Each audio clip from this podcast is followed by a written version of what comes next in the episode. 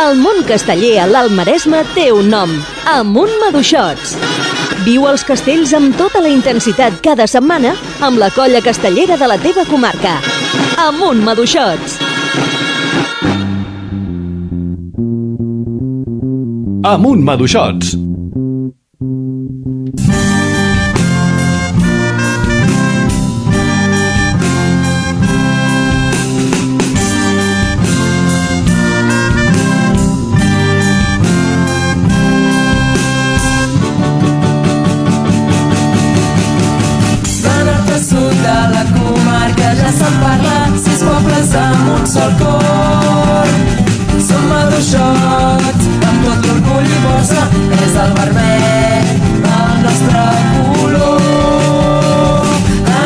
Anem creixent. Quan els continguts que tenim i preparem, de fet els prepara en Jan Torrent per dur a terme la secció de l'Amunt Maduixots cada setmana i arriba a l'apartat de balanç definitiu del que ens ha donat de si aquest curs casteller per als maduixots significa que pràcticament estem ja també a la part final de la secció castellera oficial radiofònica, així que podríem dir que ja pràcticament estem tancant la temporada amb l'actualitat dels maduixots a través de les zones de l'Alt Maresme. És per això que aquesta, podríem dir, última secció, si no ja ho trobareu la setmana que ve, però pràcticament avui estem tancant aquesta carpeta amb nosaltres, en Jan Torrent. Jan,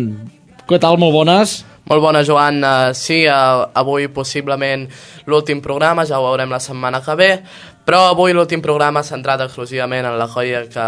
ens envolta, en els maduixots, un programa especial, un programa en el qual ens centrarem en veure com ha estat aquest 2018 maduixot, on ens centrarem en veure quins castells s'han fet, quines han sigut les millors actuacions, quines han sigut les actuacions més significatives pels maduixots, i doncs això, fer una mica de balanç també d'aquesta temporada, on hem pogut veure tants castells nous per part dels maduixots i una millora tan, eh, tan brutal com hem, hem experimentat aquest any. També eh, fer, farem dos incisos en els actes que venen, sa, que venen ara, les pròximes setmanes, perquè si bé l'activitat castellera ja ha parat, no podem dir que l'activitat maduixota hagi parat perquè, eh, com ja comentarem, venen els actes de celebració del cinquè aniversari, que potser no en clau castellera, però sí en clau festiva seran interessants.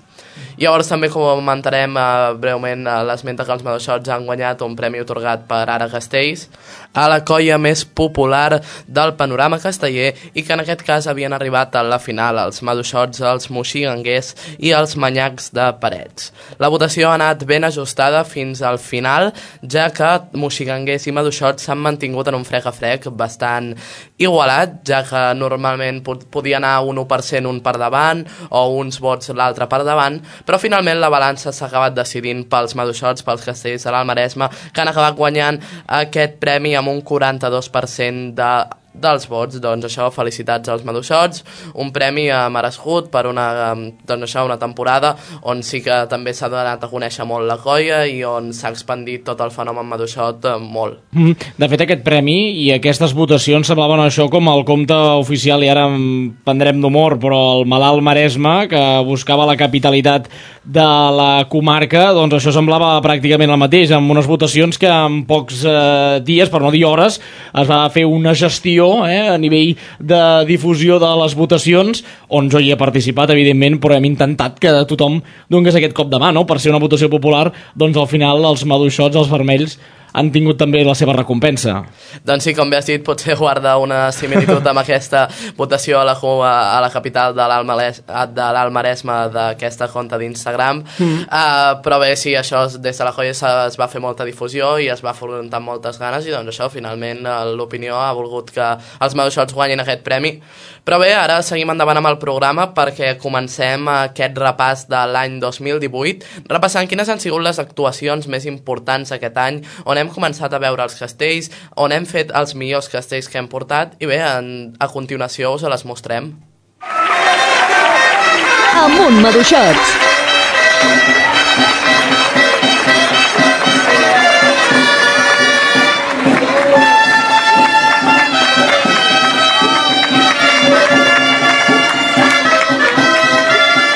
Entrant a plaça per tal de que les diades i els castells que han anat eh, construint-se en aquest 2018 sempre amb la seva indicació. Jan, endavant amb el balanç. Doncs comencem amb les actuacions més, bre- més importants, més significatives d'aquesta temporada i jo n'he destacat cinc, cinc actuacions que són ben importants per el que van significar altres per ser la millor actuació de la història, com és la de Calella, però també altres que han significat la, la introducció de castells importants pel que fa al repertori Maduixot en aquesta temporada, doncs l'actuació on es va fer per primer cop aquest castell durant aquesta temporada. Doncs bé, en remuntem a l'inici de l'estiu, a finals de juny, concretament l'últim cap de setmana, quan els Maduixots actuaven a Lloret en una gran actuació acompanyats de dues grans joies, com eren els castellers de Vilafranca i els marrecs de Sal,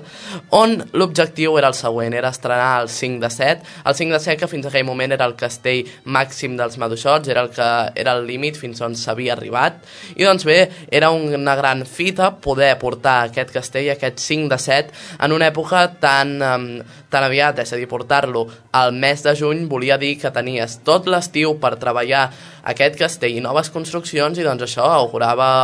una temporada bastant bona. Exacte, ja semblava no, un pronòstic, un primer pronòstic del que aquest eh, estiu per final de 2018 ha significat per la colla. Això podria donar alguna pista. Sí, exacte, perquè aquesta diada les coses van anar bé i els tres castells que es proposaven, que eren els 3 de 7, 3 de 7, 4 de 7 i 5 de 7 descarregats, fent èmfasi en aquest 5 de 7 que suposava el primer descarregat en aquesta temporada 2018 i doncs això, un inici d'estiu eh, fulgurant, eh, una diada que s'havia agafat amb moltes ganes també per, òbviament, les colles que ens acompanyaven, ja que eren dos grans colles del panorama casteller, com són els castellers de Vilafranca i com també són els marrecs de Sal.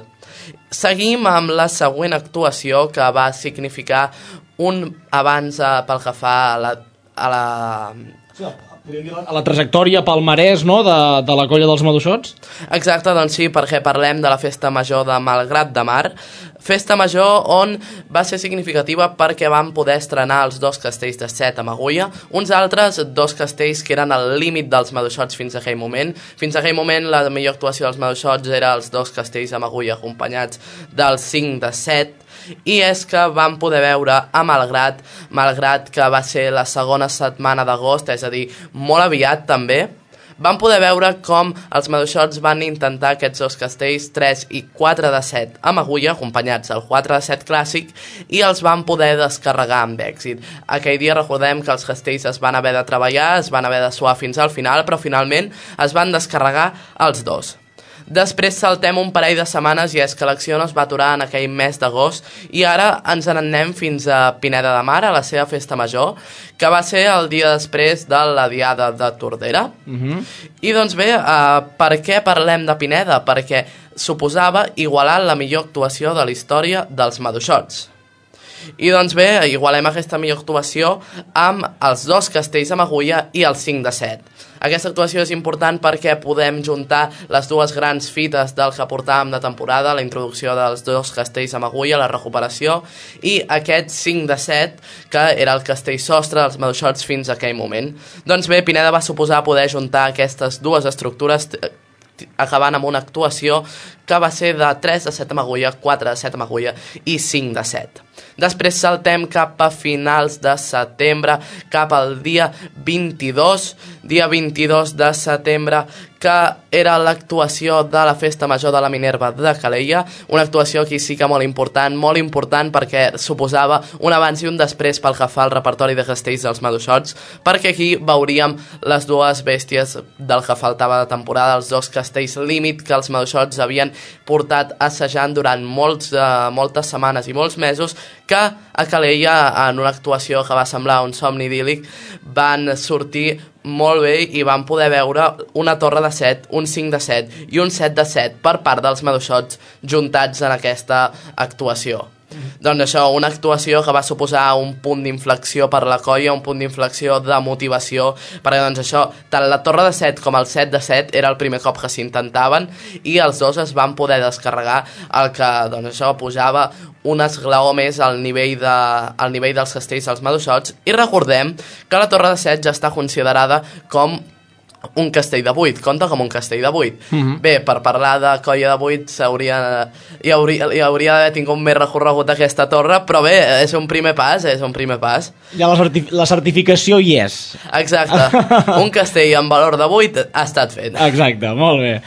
I doncs bé, acabem destacant uh, l'última actuació uh, així més important de la temporada, que va ser la de Torredembarra, aquest concurset, uh, no, també no pas pels castells, que van ser una gran actuació on també van poder veure els millors castells dels Maduixots, sinó també pel que significava, perquè era el primer cop que els Maduixots accedien al concurset de Torredembarra, el primer cop que hi arribaven per mèrits propis, i doncs això, un concurset que es va afrontar amb moltes ganes, també amb la moral pels núvols, perquè veníem d'aquest Calella, aquest Calella que va sortir també amb tanta il·lusió, i doncs això es venia a intentar repetir un altre cop a l'actuació de Calella, i si repetia, doncs hi havia la possibilitat de poder guanyar aquest concurset, mm. que...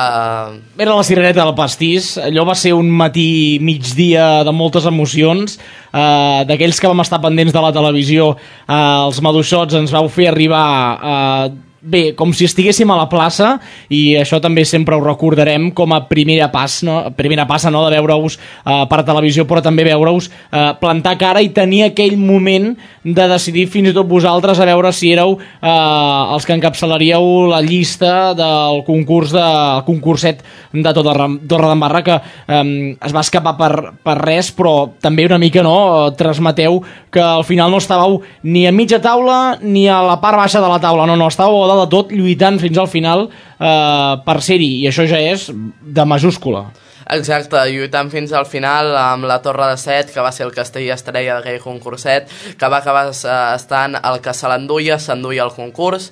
Uh, tres colles la van intentar, tres colles en, a la primera ronda no els hi va... Bé, tres colles Dos colles d'aquestes tres a la primera ronda no els hi va funcionar i van haver-lo de desmuntar, com van ser els Maduixots i els Castellers de Figueres, i uh, l'altra colla el va carregar en primera ronda, cosa que feia que si els Maduixots el carregaven en segona, mm -hmm. per la penalització de carregar-lo en el segon intent, doncs quedarien tercers i si algú descarregava la torre això el convertia en guanyador. Finalment els castellers de Figueres van descarregar aquesta torre de set en la repetició de la quarta ronda i es van endur al sac aquest concurset eh, quedant els maduixots que es van quedar amb una torre de set carregada en tercera posició. Però bé, una, una actuació molt meritòria, una actuació on es va tornar a demostrar l'esperit de la colla, on es va portar un altre cop moltíssima gent eh, des de, clar, des d'aquí de l'Almaresme fins a Torre d'Embarra i hi ha un bon tros mm -hmm. i mobilitzar tanta gent, mobilitzar colles de diables, mobilitzar gent externa de la colla, és a dir, la feina que es va fer aquelles setmanes per poder eh, aglutinar gent, poder eh, doncs això, donar un rol a la gent per poder, per poder fer, tenir la pinya, per poder fer aquest 7 de 7, perquè és un castell, doncs això, que és un castell que es necessita molta base per poder-lo fer i que finalment, eh, doncs això, va funcionar. I bé, fins aquí aquest resum de les 5, milla, de les 5 diades més icòniques d'aquest 2018 mm. que ens han deixat ja una mica de, per veure com, eh, com, ha anat aquesta, com ha anat aquesta temporada, que això que un èxit. Sona de fons, la sintonia d'entrada de Maduixota perquè ja entrem a la recta final de